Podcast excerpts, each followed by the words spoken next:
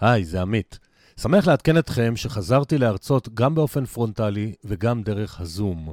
ההרצאה החדשה והמעודכנת שלי נקראת לפרוש לפני הפנסיה, מה שאני לשמחתי עשיתי כבר בגיל 46. בהרצאה מקבלים כלים ומוטיבציה למה כל אחד חייב להשקיע, ואיך לנצל טוב יותר את הכספים הפנויים שלכם. בין הדברים עליהם אני מדבר בהרצאה, מה הכוונה בלפרוש לפני הפנסיה, מהו משולש ההכנסות בגיל הפרישה, ואיך מתחילים מחר בבוקר ובכל סכום להשביח את ההון שלכם.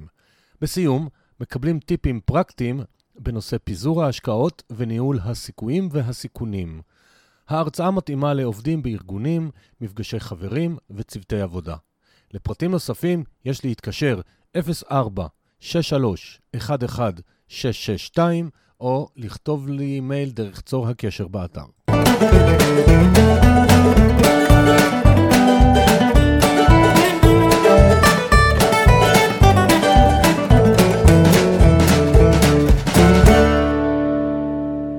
שלום לכולם, זה עמית. ברוכים הבאים לפרק 60 החגיגי. 60, וואו, מי היה מאמין שאני אגיע למספר 60?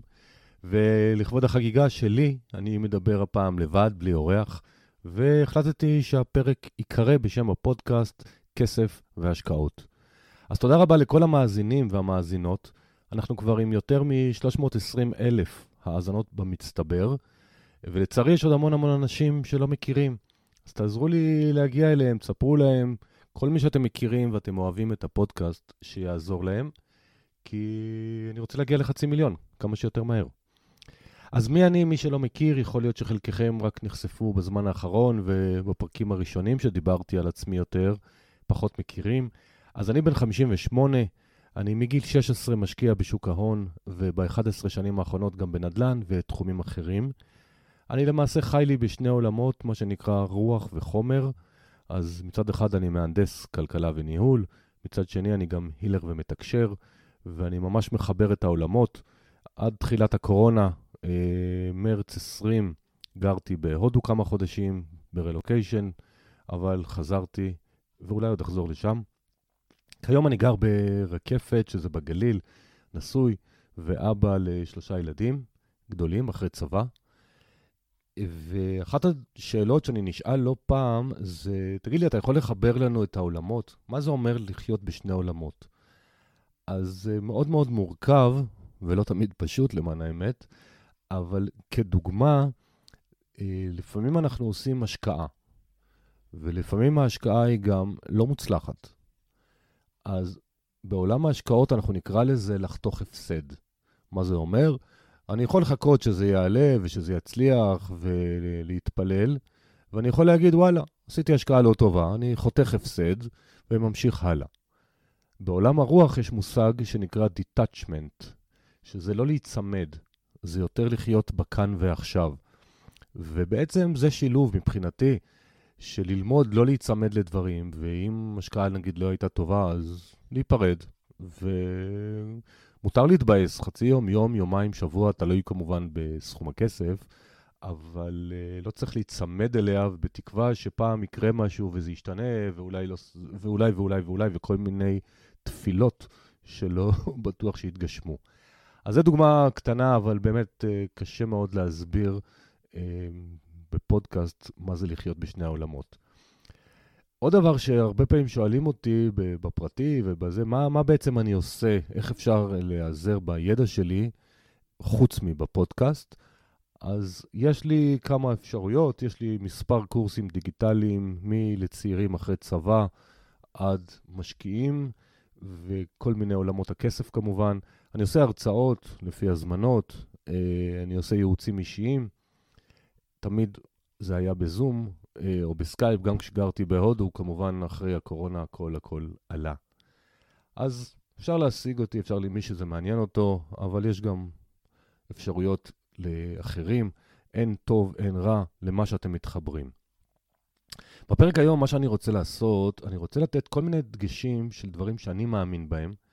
חלקם באו מתוך הצעות של uh, חברים בקבוצת פייסבוק uh, כסף והשקעות, חלקם באו מתוך הידע שלי, מתוך שאלות שלקוחות שואלים. אז אין פה איזה רצף uh, לוגי הגיוני מא' עד ת', אין גם נושא אחד מדויק, יש לנו היום בפרק את עולם הכסף, וגילוי נאות, אני, אין לי תעודת יועץ השקעות מטעם הרשות ניירות ערך. אני לא עם בעל תעודת יועץ ומשווק פנסיוני. כלומר, כל הנאמר בפרק הוא על דעתי, ומהווה חומר לימודי בלבד, ולא המלצות השקעה או מכירת נכסי השקעה כאלה או אחרים. כל אחד צריך לקבל את הייעוץ שלו ולקבל החלטות שמותאמות אליו אישית.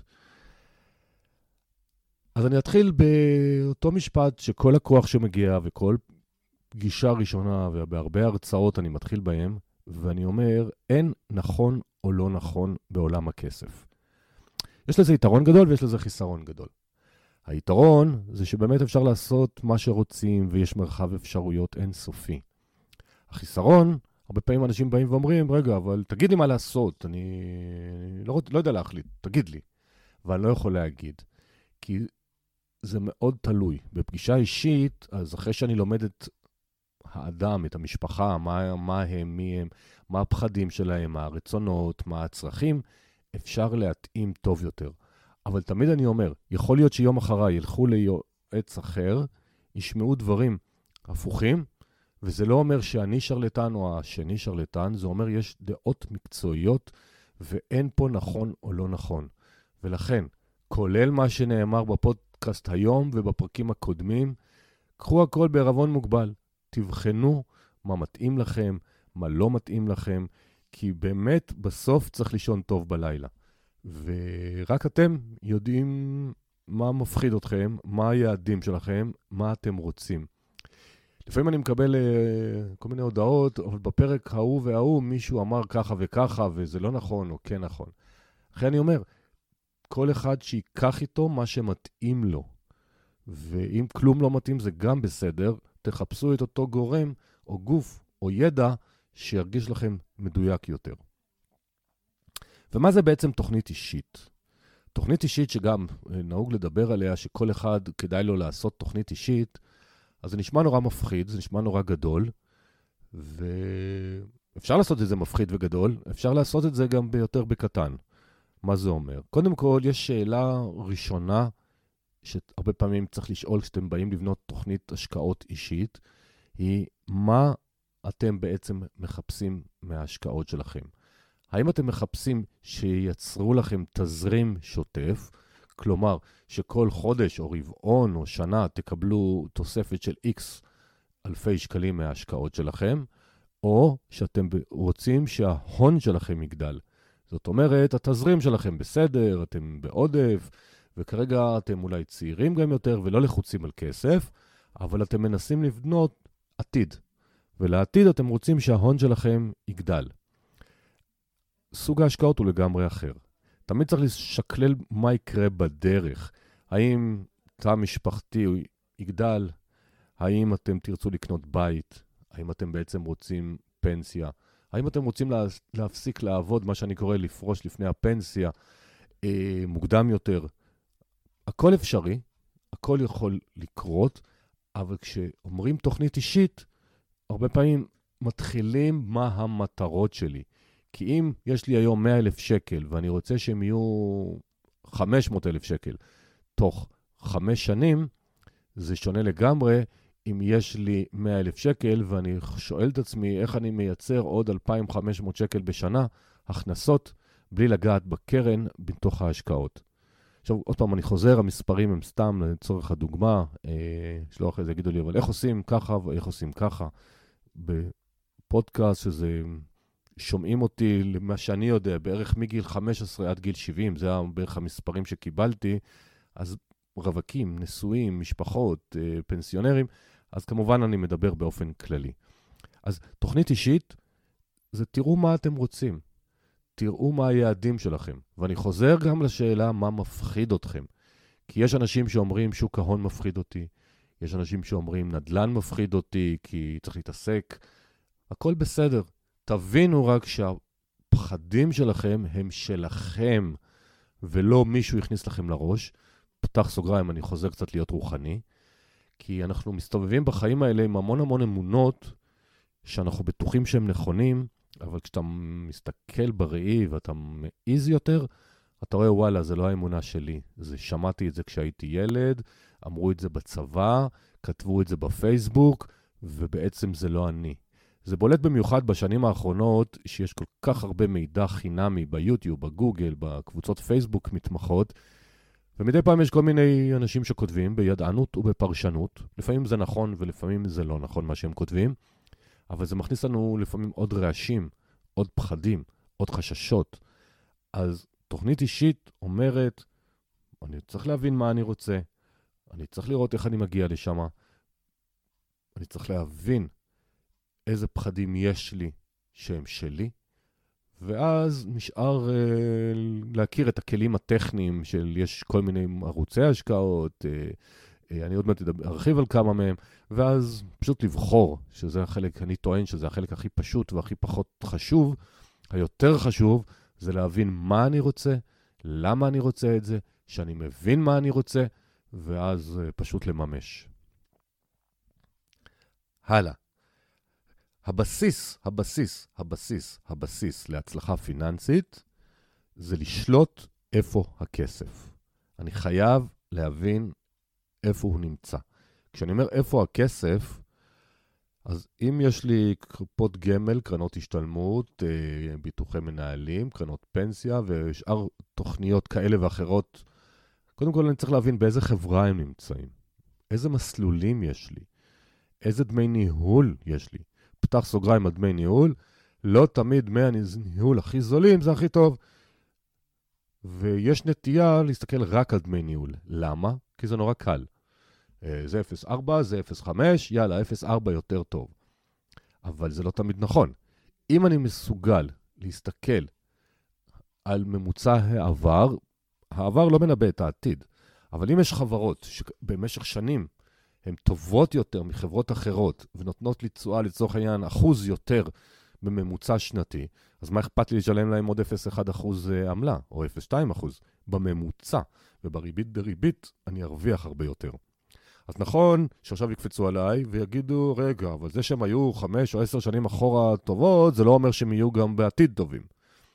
נכון, אבל כשאני מקבל החלטות בתנאי אי-ודאות, אז נכון שדמי הניהול זה ודאי, כי זה מספר, אבל אני חייב לקחת הנחה, אה, לא הנחה discount, הנחה assumption, אה, מי יש סיכוי שייצר לי תשואות יותר טובות. אז כשאני חוזר לנושא של לשלוט איפה הכסף, תבינו איפה המסלולים שלכם נמצאים, תבינו כמה אתם משלמים, תבינו האם זה תואם את התוכנית. האם אתם במסלולים הרפתקניים מדי או אה, פסיביים מדי? זאת אומרת, אתם קיבלתם חינוך בבית שחבל להפסיד. אבל אולי אתם בני 32 ותצאו לפנסיה בגיל 67 אם אתם גבר, יש עוד 35 שנים לתת לכסף לעבוד, אז למה להיות במסלול של 10% מניות? אולי מתאים לכם מסלול אחר. כללי, 30% מניות, מוטה מניות וכולי. עוד דבר שהוא קריטי להצלחה, זה לדעת מה תזרים המזומנים השוטף שלכם. עכשיו, אני לא מאלה שחסידים ממש לא לרשום כל הוצאה, כל יום, מה קורה. ממש לא. למה? כי אני רוצה שאנשים יאהבו כסף, ואם אני ארשום כל מסטיק וכל ארטיק, זה בסוף יבאס אותי ואני אשנא כסף, ואני לא רוצה את זה. אבל אחת לרבעון, אחת לחצי שנה, אחת לשנה, תראו מה מבנה ההוצאות שלכם. לפעמים מגיעים אליי אנשים לפגישה אישית, ופגישה איתי עולה הרבה כסף. ואני אומר להם מראש איזה נתונים להכין, כדי שהפגישה תהיה פרקטית, הנתוני אמת. והם באים נתונים, אומרים לי, אנחנו חושבים שאנחנו מרוויחים בערך ככה, שזה יחסית קל לדעת, כי כמה ערוצי הכנסה לרוב המשפחות יש? שלושה, ארבעה, חמישה, שישה, זה קל לאגור. אבל ההוצאות שלנו הן בערך, ואולי. ואני עם שלוש שאלות הצלבה, אני ישר מראה להם לפעמים שזה שטויות מה שהם אמרו, זה לא נכון, זה לא יכול להיות. וזה חבל, חבל. תדעו איפה הכסף שלכם, תדעו מה התזרים. כי המטרה שלנו זה לייצר עודף תזרימי, כדי שיהיה לנו כסף להשקעות, ונתחיל להשקיע עוד ועוד ועוד, והכסף יעבוד עבורנו. הבסיס הוא לא להגיד בערך. ועוד פעם, אני חוזר על זה, מבחינתי פעם בשנה, פעם בחצי שנה מספיק, העיקר שאני אבין, כי אין שינויים דרמטיים לרוב. אה, כשתא המשפחתי גדל, אז אולי יש, או שהוא קטן מבחינה הזאת שילדים עוזבים את הבית, לא חס וחלילה מוות. אה, אבל רואים קונים בית, או רכב, או חתונה לילדים שרוצים לעזור. זאת אומרת, יש אה, כמה אירועים בחיים שהם משמעותיים אולי, אבל בשוטף, רובנו, אין איזה שינויים מאוד מאוד דרמטיים. דבר נוסף שאתם צריכים לדעתי להכיר, זה מפני העמלות שאתם משלמים. עם, לכל גוף פיננסי, זה חברות ביטוח, על, הבי, על הביטוח של הרכב ושל הבית, וזה יכול להיות לחברות הפנסיוניות שדיברנו, זה יכול להיות אה, על הרכב, כאילו, כל, כל ביטוח שבעצם יש. עכשיו, כמה כלים שיכולים לעזור לכם, יש אתר בגוגל, תכתבו הר הביטוח, אתם תקבלו פירוט כל הביטוחים שלכם לפי תעודת זהות, של רכב, ביטוחים פנסיוניים, ביטוחי בריאות, אה, ביטוחי אה, הבית, ממש כל הביטוחים, לא הפנסיוניים, אבל אלה שאתם משלמים בשוטף, ביטוחי חיים, אתם תוכלו לדעת כמה זה עולה לכם ומה יש לכם. יכול להיות שחלק מהביטוחים שאתם עדיין משלמים כבר לא אקטואליים, כי משהו השתנה בחיים שלכם, אז פשוט לבטל, או להגדיל, או לשנות. דבר נוסף, יש מושג כזה שנקרא תעודת זהות בנקאית. זה די הרבה שנים כבר יש אותו, רוב האנשים לא מכירים. בכל אתר בנק אפשר להוציא אותו לבד, או לבקש מהפקיד בנק שיעזור לכם.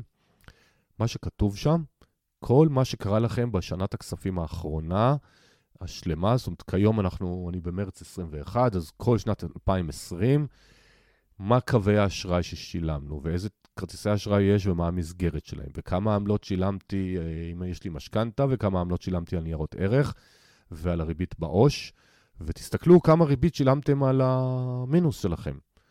אה, אני, אני מאוד לא אוהב שאנשים במינוס לאורך זמן, לא מדבר על נקודתית, אם יש בעיה, אז אולי אם תסתכלו בתעודת זהות בנקאית ותקבלו מול העיניים ששילמתם אולי 1,500 או 2,000 או 3,000 שקל בשנה, סתם זרקתם על מינוס שלא ממש עזר לכם, אז אולי תחסכו אותם מעכשיו לתמיד. ואתר שלישי, חוץ מהר הביטוח ותעודת הזהות הבנקאית, ששניהם חינמים, אז יש את המסלקה הפנסיונית, היא עולה קצת כסף, כמה עשרות שקלים, ושם תוכלו לדעת כל המוצרים הפנסיוניים שיש לכם, כולל קרנות השתלמות, קופות גמל, אה, ביטוחי מנהלים וקרנות פנסיה.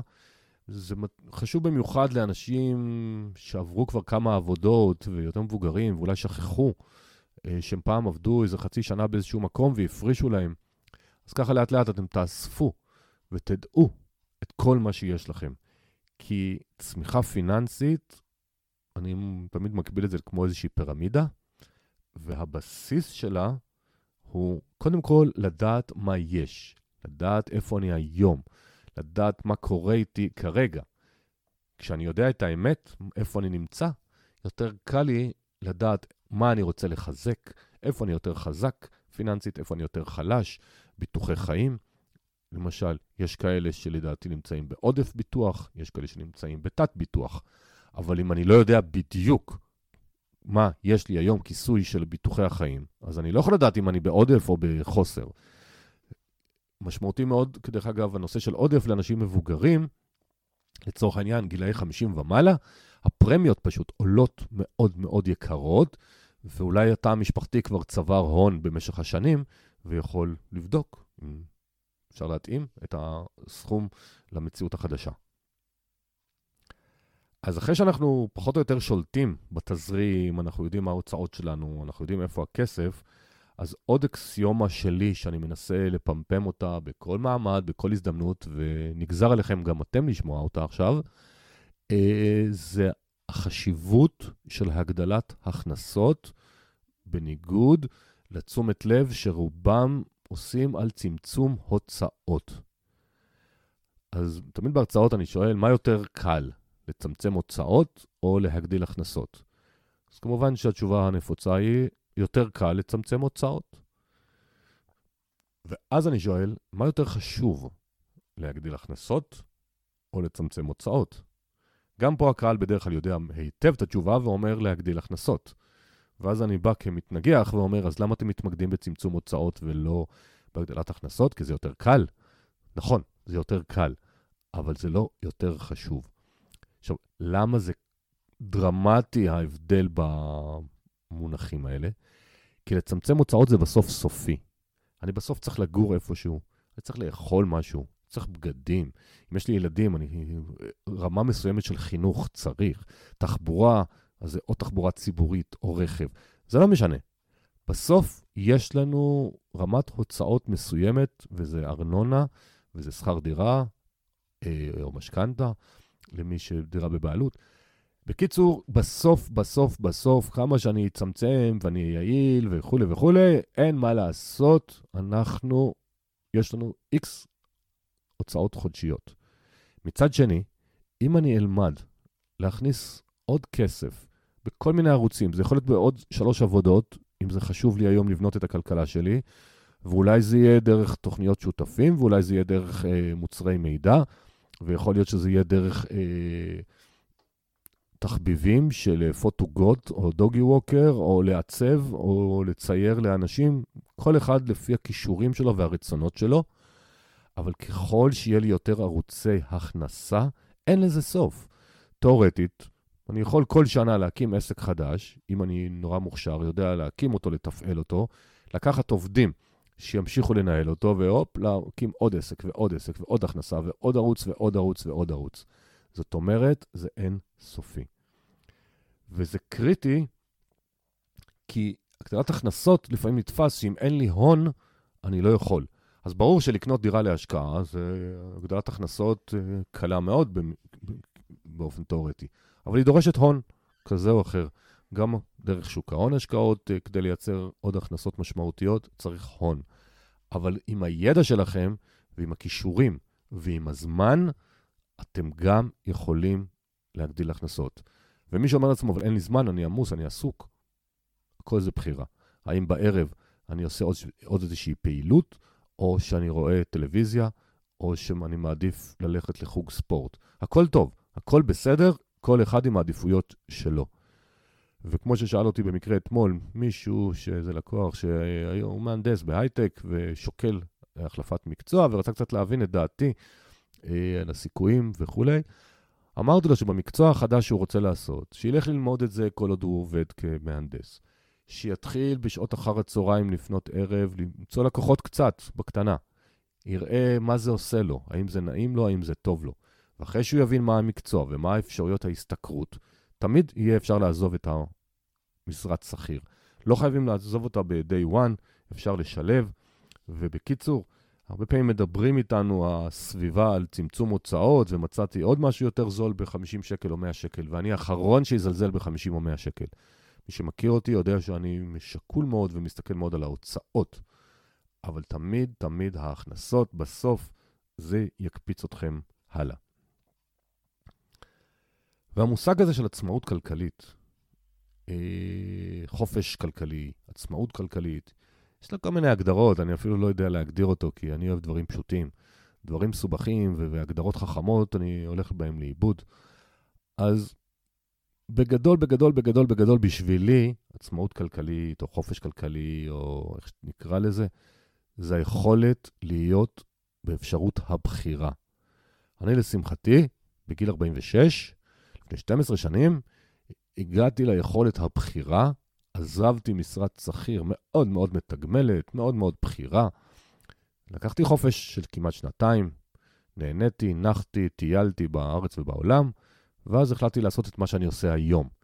והיום אני גם בוחר כמה לעבוד, עם מי לעבוד. זאת אומרת, מבחינתי, העצמאות כלכלית אומרת, יש לי הכנסות מסוימות, המינימום ההכרחי שאני רוצה אותם, התוספת עליהם, אני אחליט איך להשיג אותם. רמה אחת מעל זה, כל ההוצאות שלי כבר מכוסות דרך הכנסות כאלה ואחרות. עכשיו, אם לא בא לי לעבוד, אני לא אעבוד בכלל. לעולם ועד. הכל בסדר. אז איך מגיעים לזה? כי זאת השאלה. זה לא בא עם, אה, רק עם ידע תיאורטי וקשרים וסיפורים, זה בא עם עקשנות, עם עבודה סיזיפית, עם היצמדות לאיזושהי אג'נדה של השקעות, ואם אין לי הון ראשוני של לתת לכסף להתחיל לעבוד בשבילי, והתזרים השוטף לא מייצר לי עודפים, אז להגדיל הכנסות, אני חוזר רגע להגדלת הכנסות, כי זה לא יבוא מלבד. עכשיו, יש כאלה, זה יבוא להם מלבד מתישהו עם ירושה, כי אני רואה גם כאלה, אבל בסדר, זה לא, לא, זה לא צפוי, לא, אולי זה צפוי, אבל לא יודעים מתי, על זה אני לא מדבר. אני מדבר על אנשים שרוצים, שהיום אתם אולי בתחילת ה-30, ואתם אומרים, בגיל 40 אני רוצה להפסיק לעבוד. לא כל אחד יצליח. זה לא כזה פשוט וטריוויאלי. חייב להיות בזה נחישות. חייב להיות בזה למידה, עשייה. הרבה מאוד טעויות עלולות להיות בדרך ולא נורא בכלל, כי ככה לומדים. אז עצמאות כלכלית היא שיש לכם מצד אחד או מספיק כסף שמייצר לכם הכנסות, זאת אומרת, תדמיינו את אותו אחד שיש לו חמש דירות, כל דירה מכניסה לו 4,000 שקל, זה 20,000 שקל בשנה, נוריד מיסים, נוריד פה, נוריד שם, נשאר לו 15,000 שקל, 16,000 שקל, והוא יכול להיות שהוא יגיד לעצמו, זה מה שאני צריך. מצד שני, אפשר להתחיל לבנות עצמאות כלכלית גם ללא הון משמעותי. מה זאת אומרת? אולי יש לכם איזה ידע מיוחד, תעשו מוצרי מידע. תתחילו למכור קורסים ב-300 שקל או 500 או 5,000. לא תמכרו אולי מיליונים בחודש, תמכרו כמה עשרות. זה כבר כמה אלפי שקלים. תיקחו עוד ידע שיש לכם, תחביב, תמכרו אותו, תמכרו שעות. אתם יודעים סינית? תעשו שיעורים פרטיים בסינית, שעה בשבוע, עם ארבעה אנשים כל פעם, יש לכם עוד 1,500 שקל לחודש. אמנם זה לא עצמאות כלכלית, כי אתם בשלב הזה עובדים במונחים של עצמאות כלכלית, אני יושב בשפת הים והכל מגיע מהלפטופ. אבל מה שנקרא הכנסות פסיביות, שחלקן צריך לעבוד אקטיבית קשה כדי להגיע להכנסה פסיבית, יש הרבה מאוד אפשרויות. אה, להיות affiliator, כאילו תוכניות affiliates, לעשות, אה, להקים אתר ומזרים לידים ולמכור את הלידים או להשכיר את האתר. זה יכול להיות אה, למכור אה, קורסים של אחרים או מוצרי אה, בריאות של אחרים או סדינים, לא יודע.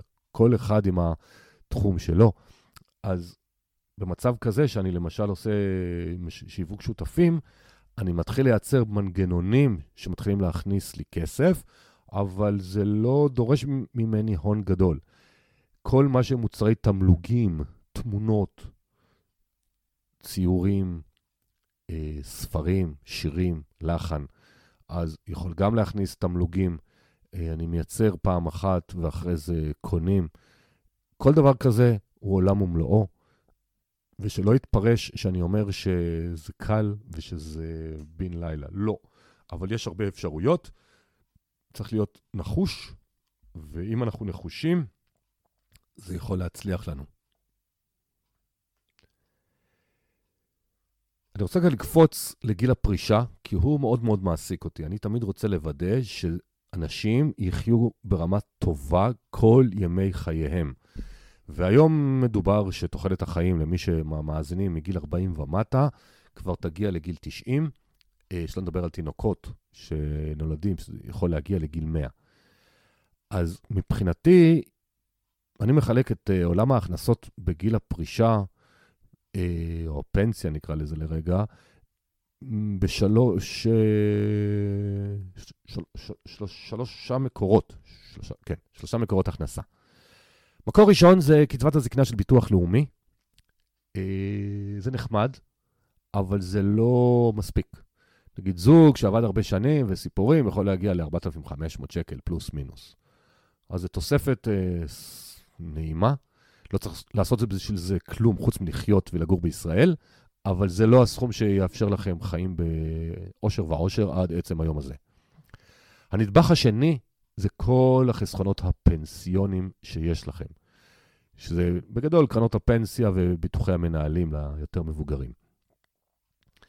עכשיו, יש הרבה מאוד שיח סביב זה, כן לחסוך, לא לחסוך, אה, אני תכף אגיד קצת את דעתי בנושא. והרובד השלישי זה החסכונות האישיים שלכם. עכשיו, בואו נעשה רגע מתמטיקה פשוטה.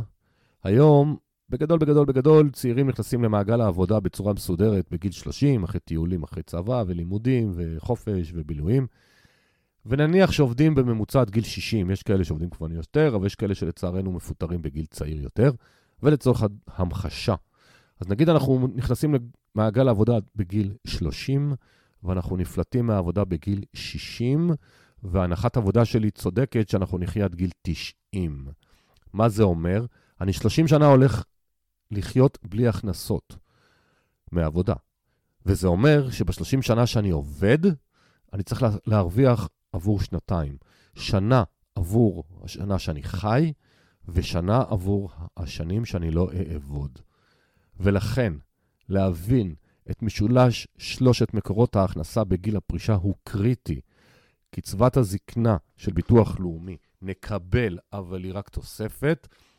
חסכונות פנסיונים, השאלה כמה חסכתי, באיזה גיל התחלתי, ואז מגיעים למטרת הפודקאסט בעצם, שזה כסף והשקעות.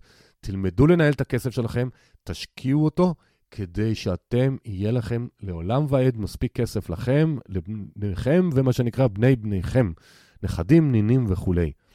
כי הכסף מייצר כסף. וכל אלה שאומרים, אין לי זמן, אין לי חשק, זה לא מעניין אותי, אין בעיה, שמישהו יעשה לכם את זה.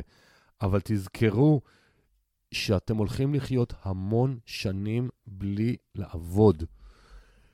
וידידיי העצמאים, אני הייתי המון שנים שכיר, בכיר, והיום אני כבר הרבה שנים יחסית עצמאי, ואני רואה המון המון לקוחות שמגיעים אליי עצמאים, והם לא חוסכים לפנסיה. אז חלק אומרים, אנחנו לא מאמינים בזה, זה לא יהיה לנו כסף, וירמו אותנו, וישקרו אותנו, וכולי וכולי. וחלק אומרים לי, יהיה בסדר, כשהתזרים ירווח לנו, אנחנו נתחיל לחסוך. אז זו טעות מאוד גדולה. כי מי שמכיר את אפקט הריבית דריבית, שקשה להדגים אותו פה, ומי שלא מבין מה אני אומר, סתם שיכתוב אפקט דריבית דריבית בא, באינטרנט, תראו כמה זה שכסף מתחיל לעבוד עבורכם בגיל צעיר זה דרמטי בהגדלת ההון שלכם, וכמה זה דרמטי אם מתחילים בגיל צעיר. מי שיתחיל בגיל 20 או בגיל 40 להפריש אותו סכום, למי שהתחיל בגיל 20 יכול להיות לו גם פי 2 ופי 3 ופי 4 כסף. אז עצמאים, החוק הוא כזה, התחיל איזה חוק לפני איזה שנתיים-שלוש, שלא כל כך עוקפים אותו, ושכאילו חייבים איזשהו סכום קטן, לפחות כמינימום. עזבו את החוק, תדאגו לעצמכם. תדאגו שלא יהיה חסר לכם. ובאמת יכול להיות שהתזרים היום קשה. אז תגדל, תגדילו הכנסות, תחזרו להיות שכירים, תמצאו דרך להפריש או להשקיע. אבל אתם חייבים לדאוג לעצמכם לכל החיים. עכשיו, לגבי הדעות המאוד רווחות בהרבה מאוד פורומים, שקרנות פנסיה זה טיפשי, ולמה לחסוך שם, בוא נעשה לבד, ובוא נעשה ואנחנו ואנחנו, אז יש לי פה דעה מאוד מאוד מוצקה. קודם כל, יש להם יתרון מיסויי, הרווחים פטורים ממס. דבר שני, לא כל אחד שקורא פוסטים בפייסבוק יכול להשקיע לעצמו את הכסף עד סוף ימי חייו. יש כאלה שיכולים, סבבה לגמרי, שיעשו את זה, אבל לא כל אחד. ואותם מאזינים ומאזינות שלא יודעים מה לעשות, כי בפייסבוק מישהו כתב שזה טעות, ותעשו לבד, ותלכו ל-IRA, ומה פתאום זה, ומה פתאום זה. עזבו אתכם. בהתחלה אתם זוכרים, אמרתי, אין נכון, לא נכון. תראו מה מרגיש לכם, תראו מה עובד לכם, כי אם אתם עסוקים, עובדים קשה, וניהול כסף זה לא מקצוע שלכם, זה ממש לא מעניין אתכם, תדאגו לעצמכם לגיל המבוגר. כולנו מתבגרים, מי כמוני מרגיש את זה שפתאום יש לי ילדים אחרי צבא ומאוד גדולים. אז אני חושב שניהול הפיקוח של הרשויות בישראל מאוד קפדני ומאוד טוב עבורנו, החוסכים. אני לא חושב ש... ייתנו לאיזושהי חברה לפשוט רגל, ואם זה יהיה אסון ברמה עולמית, אז המדינה תצטרך לנסות לעזור לנו, ואז לא משנה מה אנחנו עושים, אז לא יהיה כסף. כל הסיפור הזה של איזון אקטוארי וזה, נכון, יש את זה גם. תמיד השאלה בהשקעות זה אלטרנטיבות. ביטוחי מנהלים, מהיום שהפסיקו את המקדם הקצבה המובטח, שגם איתו היה, סיפור, אבל נתעלם כי זה כבר היסטוריה, אני אישית לא רואה לזה איזשהו יתרון אמיתי. אני חושב שדמי הניהול שם יותר גבוהים מקרנות הפנסיה ומשמעותית. בכל מקרה, מקדם הקצבה יכול להיקבע רק בגיל 60 אה, בביטוחי מנהלים, לא לפני זה. אז תבדקו, תבקשו מהסוכן ביטוח שלכם, או מי שעושה לכם ומשכנע אתכם על ביטוח מנהלים, תבקשו דבר אחד פשוט. תגידו, נגיד שאני מפריש כל חודש 2,000 שקל, לא משנה המספר, 3,000 שקל, במשך איקס השנים שיש לכם עד הפרישה, אה, ושיעשו לכם סימולציה עם דמי הניהול, ולפי אותו תשואה צפויה, איפה יישאר לכם בסוף יותר כסף? בקרן הפנסיה או בביטוחי המנהלים. ועוד נקודה שמדוברת זה הקרנות פנסיה ברירת מחדל של הכמה שנים האחרונות, שכיום ארבע חברות זכו בזה. אה, אני לא יודע מה יקרה עכשיו, כי מתוך הארבע חברות, אחת זה, הפן, זה הלמן אלדובי, שהפניקס קנו אותם לא מזמן, ואחת זה אה, פסגות, שאלטשולר שחם קנו אותם, זאת אומרת, אז במכרז הבא, או שיוסיפו חברות, או שאיכשהו, החברות החדשות, הקולטות יפעילו את זה, אני לא יודע בדיוק איך זה יעבוד, אבל דמי הניהול שם מאוד מאוד נמוכים, נועדו לכל אלה, כמוני לצורך העניין, שאני לא עובד בחברה גדולה שיש לה כוח. זה אותם עצמאים יותר קטנים, אותם שכירים שעובדים בעסקים קטנים, שבעל החברה לא יכול לדאוג לתנאים טובים. המדינה הכריחה, עשתה מכרז בין כמה חברות לתת הצעות מאוד זולות, אה, ואז באים כל מיני אה, מקטרגים, שכל אחד נכנס בלי חיתום רפואי. ופתח סוגריים, גם החברות הגדולות שמכניסות אה, אינטל, אלבי, תעשייה אווירית וכולי, אז הן מכניסות כל אחד בלי חיתום רפואי, אה, ואז הם לא ישלמו, וזה מסוכן. אז רוב החברות קונות גם ביטוח משנה על רוב הסכום, זאת אומרת שאם להם לא יהיה כסף, אז המבטח ייתן להם כסף. ותמיד כשמישהו מפחיד אתכם, אומר לכם לא, לא, לא, לא, לא, לא, לא, תנסו להבין האם הוא גורם אובייקטיבי, או שהוא מדבר מאיזושהי פוזיציה. אולי הוא משווק פנסיוני, אולי הוא סוכן ביטוח, אולי הוא בעל חברה, ואולי הוא יועץ אובייקטיבי ובאמת מאמין במה שהוא אומר. בסוף המספרים מדברים, בסוף יש פה ניהול סיכונים מול סיכויים, שאף אחד מאיתנו לא יודע מה יקרה באמת. אה, אני פחות מוטרד מזה שהקרנות ברירת מחדל הן של צעירים, נהפוך הוא. אז מי שמבוגר, מה זה מבוגר? במקרים האלה כבר 40-42, אם הוא 10 שנים מעל הממוצע, אז הוא יתחיל לקבל מוקדם יותר. אז בטח שאין לו מה לדאוג. ושאר הצעירים בממוצע, בסוף כל הזמן יעברו אנשים לחסוך עלויות. אז אני לא חושב שבעוד 15 שנה או 20 שנה, פתאום הדור שיהיה, ייכנס למעגל העבודה, יחפש לשלם דווקא יותר. הוא גם יחפש לשלם פחות ולקבל תוצא, אה, תוצאות טובות. אז דעה אישית שלי, לא צריך לפחד מזה יותר מדי. נעבור לנקודה הבאה, רגע, אני אשתה. כן, יותר קל לראיין, כי כשאתה מראיין אתה רוב הזמן שותק. אבל מצד שני זה כיף לי להשמיע את דעתי, יש. נושא נוסף שהוא מדובר מאוד, ושואלים אותי המון שאלות, זה איך להשקיע בשוק ההון. אז אם אני אחלק את זה ברמת הסופר סופר סופר סופר מקרו, אז יש כמה אפשרויות. יש אפשרות להשקיע לבד, יש אפשרות להיעזר ביועץ בבנק. לא כל הבנקים היום נותנים ייעוץ לכל סכום, הם, אה, חלק מהבנקים התחילו להגביל את זה. כלומר, דווקא למי שעוד צריך, כי הוא בתחילת דרכו ואין לו הרבה כסף, הבנקים הפסיקו. יש שני מוצרי חיסכון, אחד שנקרא קופת גמל להשקעה ואחד פוליסת חיסכון. אה, ויש כל מיני ניואנסים, מנהלי תיקים, מנהלי תיקי IRA, נגיד פרק 43, אה, לא, לא 43, 42, אחד הפרקים, 40 וראיינתי את יואב זליקוביץ, שהוא למשל משקיע עבור אנשים דרך IRA, גם מסבירים שם, אנחנו מסבירים שם מה זה IRA. מה שאני אומר, לא לכל אחד מתאים לעשות השקעות לבד, או כי זה לא מעניין אותו, או כי הוא לא יודע, והוא מפחד לקחת סיכונים.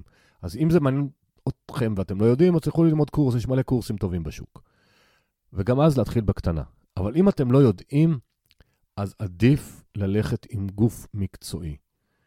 יועץ בבנק, אה, הרבה פעמים אתם לא יודעים מה הידע של היועץ באמת. אז נכון שמקבלים המלצות מהמערכת הקובעת של הבנק, אבל לבנק אסור לעשות uh, שום פעילות אם אתם לא יוזמים אותה על פי חוק. אז אם אתם שוכחים להתקשר ושוכחים לעשות, אז עשוי לא להיות כלום או לא לעשות שינוי. לזה יש פתרון על כמה מכשירים אוטומטיים, שתכף אני אדבר עליהם, אבל יועץ בבנק, העלויות, צריך לבדוק אותם. אה, גם אפשר לפתוח אה, ברוקראז' עצמאי, יש גם כל מיני דברים שזה מתאים לסכומים יותר קטנים, או למי שמתעסק עם זה. אבל רוב רוב רוב האנשים שאני נתקלתי לפחות, זה לא ממש מעניין אותם להתעסק עם זה, אלא רוצים שהכסף יעבוד עבורם ושיעזבו אותם. אז הקופת גמל להשקעה, שאפשר להשקיע בה עד uh, סכום מסוים תמורת זה שיש דחיית מס ואני אשלם uh, מס רווחי הון במשיכה, או שאני אשאיר את זה לגמלה ואני אהיה פטור ממס, או פוליסות החיסכון שיש לשש חברות, uh, ששם אני יכול להפקיד כל סכום שאני רוצה, למתוח, למשוך מתי שאני רוצה ואני אשלם מס רווחי הון רק ביציאה. לשני המסלולים, לשתי האופציות האלה יש גם מסלולים עם יותר סיכון, פחות סיכון, המון סיכון, אפס כמעט סיכון, ותמורת דמי ניהול הם עושים עבורכם. זה מכשירים שיכולים מאוד מאוד להתאים.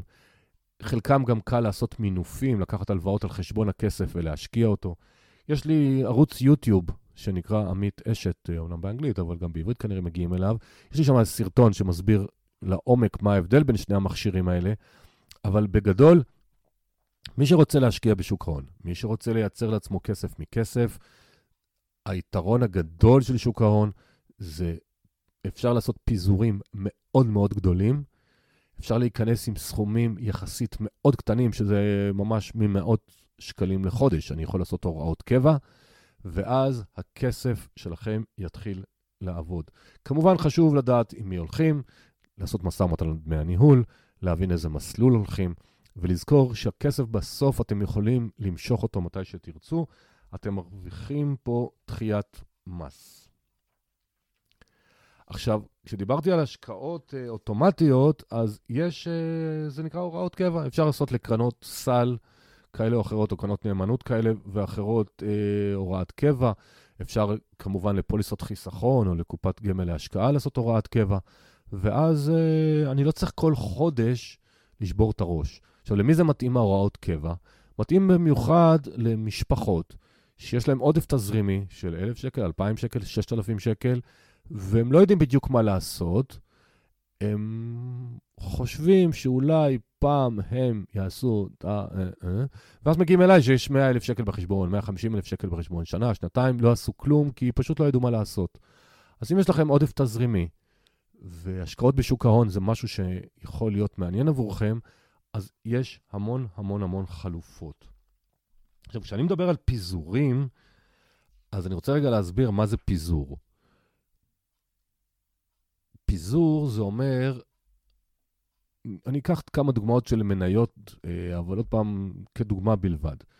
נגיד שמעניין אותי סקטור הבנקים, כי אני חושב שסקטור הבנקים זה פצצה, הבנקים תמיד דופקים אותנו והם תמיד מרוויחים. יופי. אני הולך לבורסה הישראלית, אני רואה פתאום שישה, שבעה בנקים נסחרים, שאני יכול לקנות את המניות שלהם. עכשיו, אני לא למדתי את זה, לא רוצה ממש ללמוד את זה, החלטתי שהסקטור מעניין אותי. אבל עכשיו איך אני אדע איזה בנק לקנות? בשביל זה המציאו מוצרים שנקראים מדדים. בבורסה בניו יורק או בארצות הברית זה נקרא ETF. מה זה מדד? לקחו לצורך העניין בדוגמה של הבנקים, חמישה בנקים מובילים בישראל, הפועלים לאומי, דיסקונט, בינלאומי והמזרחי, שקללו אותם ביחס כזה או אחר אה, כמדד, ואז אני יכול לקנות מדד באלף שקל כל חודש, והאלף שקל שלי מתפזרים דרך כמה בנקים, אז אני לא צריך להחליט ספציפית. אותו דבר, מדד תל אביב 35, 35 החברות בעלות שווי שוק הגדול בישראל, הנסחרות בישראל. כלומר, אני יכול לעשות הוראת קבע על 1,000 שקל על מדד תל אביב 35, ובעצם הכסף שלי מתפזר על 35 מניות. ויש למשל אה, מדד תל אביב בנייה אה, מניב, שיש שם למעלה מ-20 חברות נדל"ן שעוסקות בנדל"ן מניב בישראל. וכך הלאה וכך הלאה וכך הלאה. זאת אומרת, כשאני אומר ששוק ההון, אני יכול להגיע איתו לפיזור מאוד גדול, אני מתכוון שאני יכול לקחת כל מיני סקטורים שונים ומשונים, או לקנות חברות ספציפיות, ומי שפחות מכיר את זה, אני יכול לקנות מדדים. וכשאני קונה מדד, אז כמובן אני צריך להבין את דמי הניהול, מה ההבדל בין קרן סל לקרן מחקה, אי אפשר, אני לא יכול להיכנס לזה פה, אבל uh, קרן נאמנות, יש ניואנסים קצת של הבדלים, אבל בגדול, בגדול, בגדול, יש לנו מכשירים. עכשיו, כשאתם משקיעים בחו"ל, אחד הדברים שאני זיהיתי שאנשים לא יודעים, זה גם בנדל"ן בחו"ל נכון, אבל נדל"ן זה כבר משקיעים ב... על פניו, אני מקווה שהם עשו יותר שיעורי בית ולהבין, אבל בניירות ערך, אה, אם זה המדד S&P 500, שהיום הוא להיט בהרבה מאוד אה, תיקי השקעות, או מניות ספציפיות, פייסבוק, אמזון, גוגל, טסלה וכולי וכולי, אתם צריכים להבין שאתם עושים השקעה בחו"ל, אתם גם מגיעים לחשיפה של מטבע. מה זאת אומרת? אם אני מש... קונה את מדד S&P 500, שזה 500 אה, חברות השווי שוק הגדול בארצות הברית, ואני קונה את זה ב-5,000 דולר, והמדד עלה 10%. אז על פניו הרווחתי 500 דולר, עזבו רגע את המס, רווחי הון. אבל אני אחרי זה רוצה להמיר את הכסף חזרה לשקלים, אבל יכול להיות שבתקופה הזאת השקל נחלש לעומת הדולר ב-5%. זאת אומרת, נטו אני ארוויח 5%. מה הכוונה? על ההשקעה הרווחתי 10%, אבל השקל לעומת הדולר נחלש ב-5%, נטו אני ב-5%. רוצה לומר, כל השקעה שאתם עושים במטבע חוץ, אתם מכניסים עוד מרכיב אי-ודאות, שזה שער המטבע. לפעמים אני רואה את השאלה, האם הדולר זול עכשיו, אז כדאי לי לקנות אה, הרבה דולרים ואני ארוויח. על זה אני עונה, מי אמר שהוא זול? אולי הוא המחיר שצריך להיות, אולי הוא זול ואולי הוא יקר. מי יודע? אף אחד. ולאיזה טווח זמן.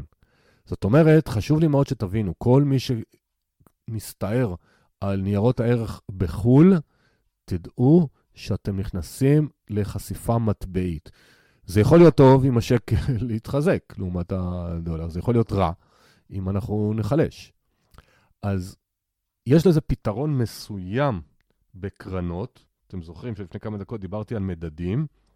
אז יש בארץ לא מעט קרנות אה, שמנוטרלות מטבע. מה זה מנוטרל מטבע? אם נחזור לדוגמת ה snp 500, אבל יש עוד מלא דוגמאות כאלה. אני קונה את המדד, אני אקבל את רווח או הפסד תנועת המדד עצמו ללא שינוי שער שקל דולר. איך הפלא ההוקוס פוקוס הזה קורה? מנהלי הקרן פשוט קונים הגנה מטבעית, דמי ניהול טיפה יותר יקרים, ואז אה, אני לא מושפע מהפרשי שער, אני רק מושפע מעליית או ירידת המדד עצמו. מקום שאתם יכולים לאתר אה, הרבה מאוד קרנות מנוטרלות מטבע, כי יש גם קרנות נאמנות על כל מיני נושאים מאוד מאוד מיוחדים. אה, מי שרוצה להשקיע בהם ובשקלים מנוטרל מטבע, זה באתר פאנדר, f-u-n-d-e-r.co.il, פאנדר, co.il, אתם יכולים לעשות אה, חיתוכים,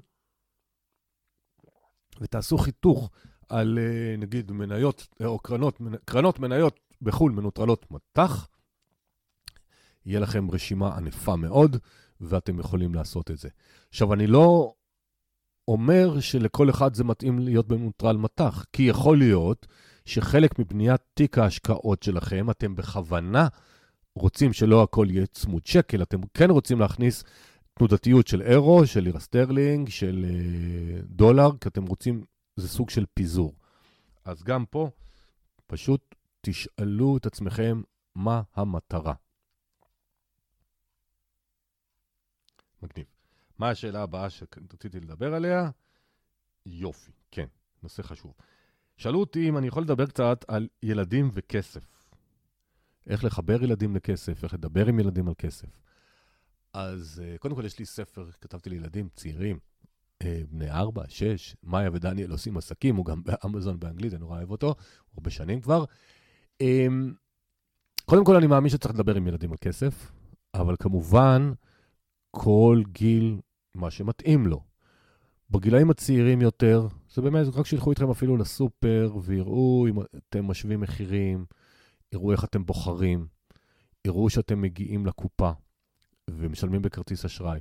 צריך להסביר מה זה כרטיס אשראי, מה זה הכסף, למה אבא ואמא הולכים לעבוד כל יום. אה, ללכת לסניף בנק, היום זה פחות פופולרי, אבל פשוט תיכנס איתם פעם, להראות להם מה זה. אחד הנושאים שמאוד חשובים לילדים בגיל ההתבגרות נקרא לזה היום, אה, זה יורד ויורד, אבל אני מנ... טוב, אני כבר ילדים צעירים, אני מנחש שזה כבר היום באזור ה-10-12 כבר, עם עולם התרבות, הצריכה והמותגים, זה להסביר היטב מה זה ההבדל בין רוצה לצריך. כי ילד רוצה אייפון חדש, והוא רוצה נעליים של נייקי, ואני יודע מה, לא יודע מה המותגים היום, בטח תיק אופנתי כזה או אחר, ו... וכולי וכולי. וצריך להסביר לו שהוא רוצה זה מעולה, אבל מה שהוא צריך באמת, הוא צריך נעליים, הוא צריך אוכל, הוא צריך בית, וילדים צעירים הרבה פעמים מתבלבל להם כי הם לא יודעים. ההבדל בין רוצה לצריך. עכשיו, כל אחד בתא המשפחתי שלו, אה, שיבדוק מה באמת כהורים רוצים לתת לילדים, ומה הילד רוצה שלא בא לנו, וזה אחלה דוגמה למה זה צריך. נושא שבעיניי הוא מאוד מאוד מאוד חשוב, זה דמי כיס. עכשיו, דמי כיס, אני הייתי מתחיל אותם בגיל מאוד מאוד צעיר, ולא חשוב אה, איזה סכום. זאת אומרת, ילד קטן יחסית, גם חצי שקל או שקל זה, זה סכום מהותי עבורו. אבל פה מגיעה השאלה הדרמטית, לדעתי, בחינוך פיננסי, האם אני מרשה לילד לעשות מה שהוא רוצה עם דמי הכיס, או שאני מחליט לו כהורה? האם הילד שלי, שצבר 12 אה, שקל בקופה, והוא אומר, אני עכשיו רוצה ללכת לקנות חבילת שוקולד של מילקה, אני אומר לו, לא, זה לא בריא.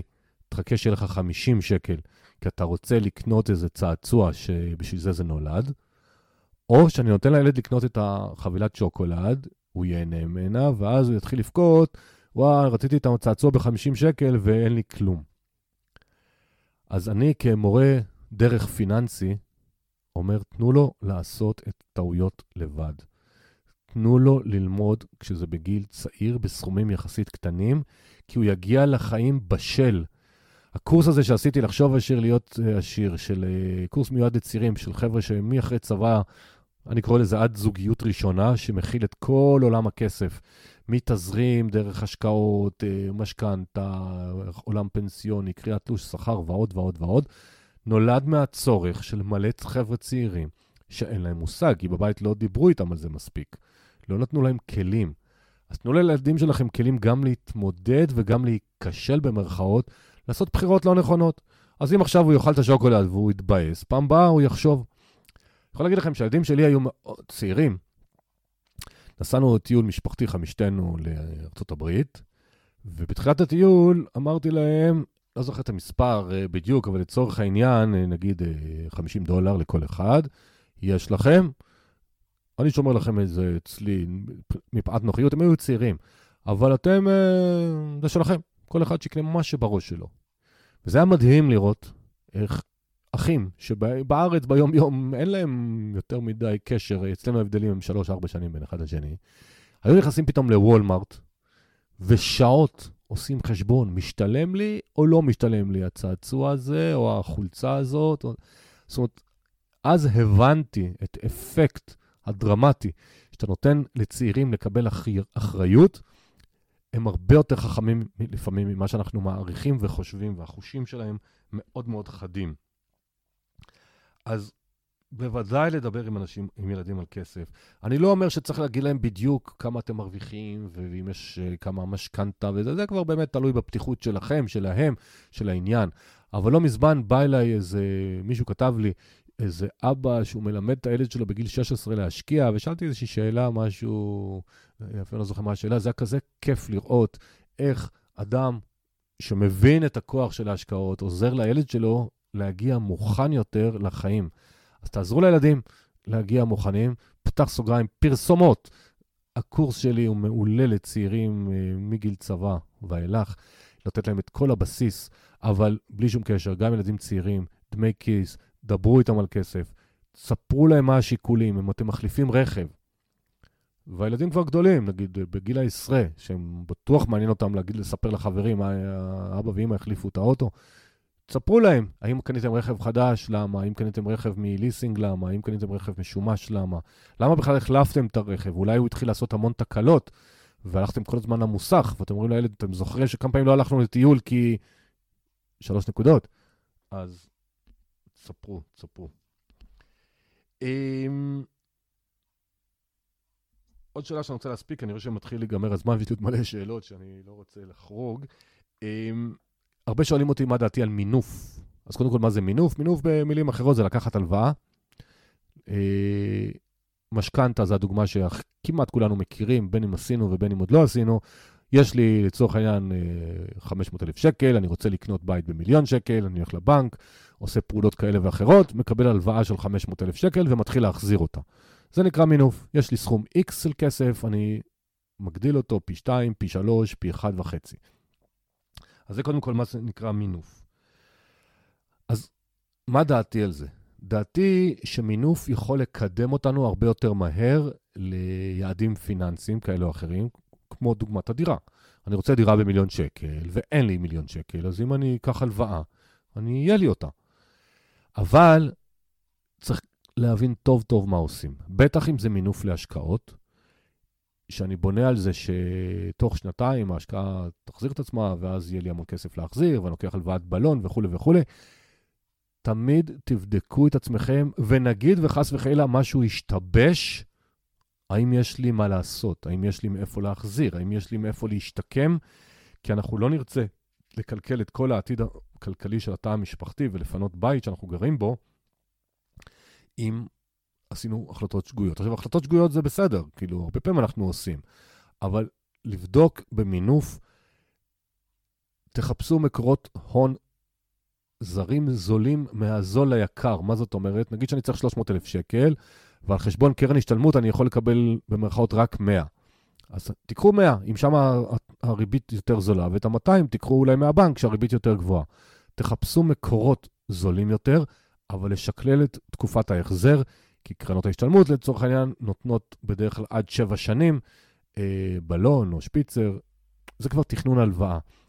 אז מינוף הוא טוב, אם משתמשים בו בתבונה.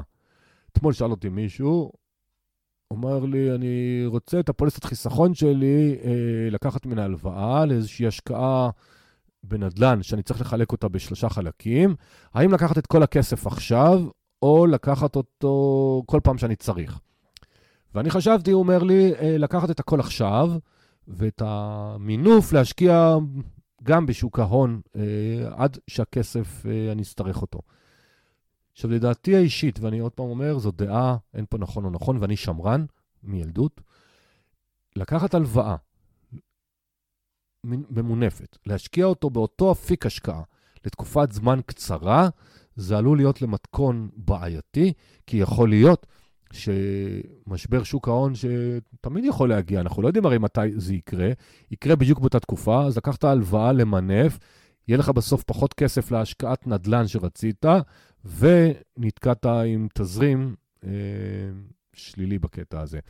אז מינוף, דעתי היא, תיזהרו, זה יכול לעזור לכם, אבל לא תמיד, ומי שמפחד להיות חייב, אז אל תעשו את זה בכוח. אולי תיקחו הלוואה יותר קטנה, תרוצו איתה שנתיים, שלוש, תראו אם אתם ישנים טוב עם זה, אם זה לא מעיק עליכם. אני חוזר לנושא האמונות. אה, לפעמים יש לנו אמונות, כי שמענו בבית שלהיות חייב זה לא טוב, והכי טוב זה להיות עם אפס חובות. לפעמים זה טוב, לפעמים זה לא טוב, תלוי באמת מה המטרה שלנו. אז הספקתי את הרוב, לא את הכל, לא נורא, אני סולח לעצמי, אה, גם פרק 70 אני אדבר. אבל כמו שאני מבקש מכל אה, מרואיין שלי, שלושה טיפים פרקטיים לחיים, שדיברנו או שלא דיברנו, אז אני לא אני לא אוותר לעצמי. אז שלושה דברים שאני רוצה ככה לחדד ולהגיד אותם, הם ככה. הראשון, תזכרו שכסף מייצר כסף ובכל סכום. לא צריך לחכות להיות עשיר גדול כדי להתחיל.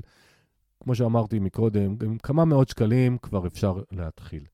וההמשך של זה, אל תקלקלו זוגיות עבור כסף, כי בסוף כסף זה רק כסף.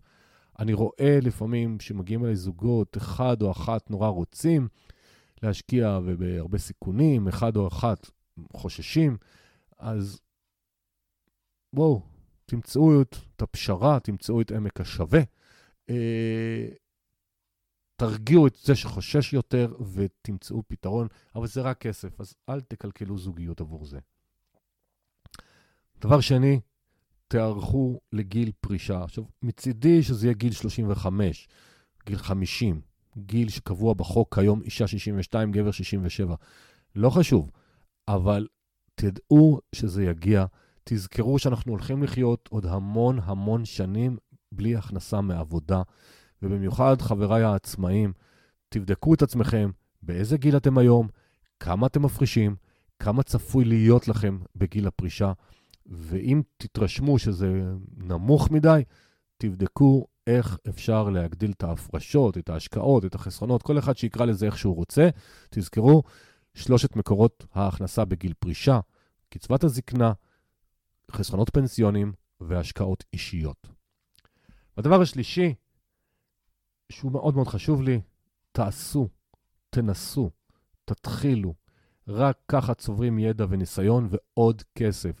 לשמוע פודקאסט שלי ושל אחרים מגניב, לקרוא ספרים מעולה, לראות ערוצי יוטיוב ווובינארים על כסף עוד יותר טוב.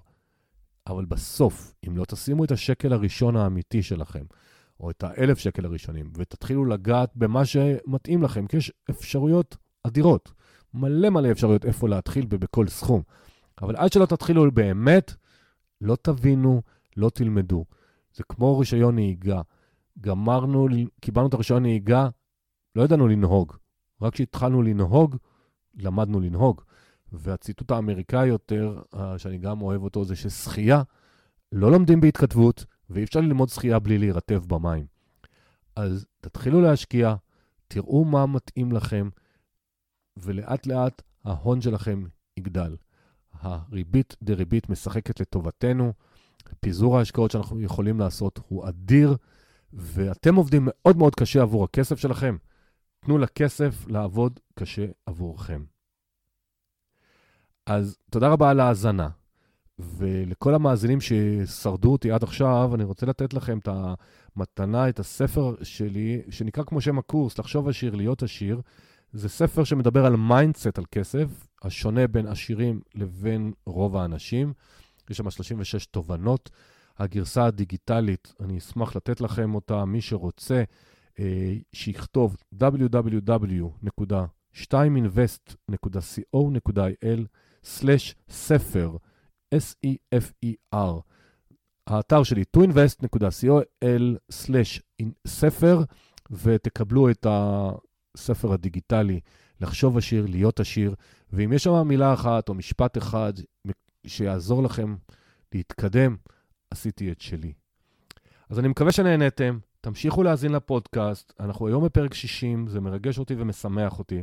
תספרו לעוד שכנים, להורים, לילדים, לחברים על הפודקאסט, כי אני רוצה שעוד ועוד ועוד אנשים ייחשפו למרואיינים הנפלאים שעזרו לי עד היום להגיע לפה.